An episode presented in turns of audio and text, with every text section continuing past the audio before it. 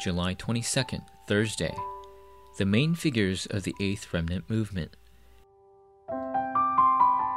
Ephesians chapter 6, verse 12.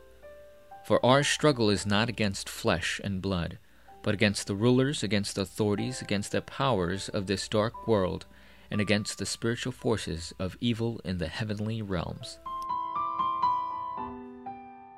There are many times when we do not correctly see the reality but instead delude ourselves. It is because we are not pleased if our circumstances are bad and our work and studies are not going well. In this way, Satan deceives us with the things that are not true. If we experience the kingdom of God, we will be able to see the correct reality and true answers will begin. If we grab hold of God's word and pray in a concentrated manner so that God's kingdom comes upon us, our fear will vanish.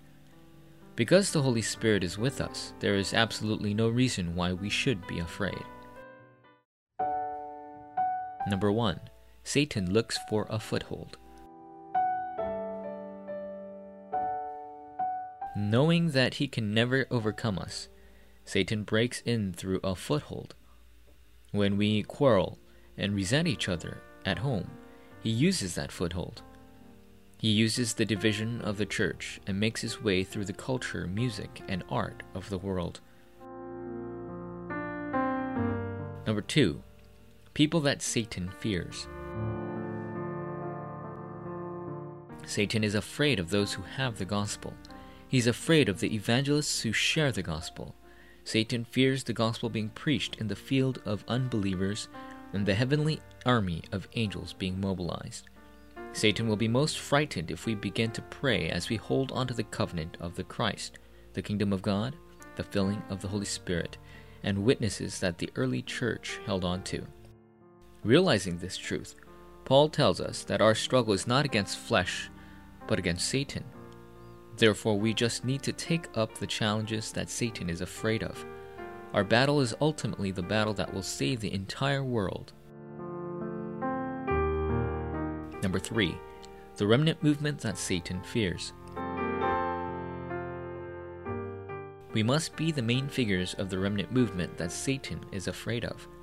The forces of darkness will crumble if the remnant save their family line, stand as lay leaders that save their church, and become the main figures to save the culture of their field. Just like the seven remnants, we must remember the covenant of God's kingdom and become the main figures who save the future generation as well as our region. We need to put on the full spiritual armor through today's word, evangelism, and prayer and begin anew. Forum topic What is the area that you are deceived by? What is your foothold that is exposed to Satan?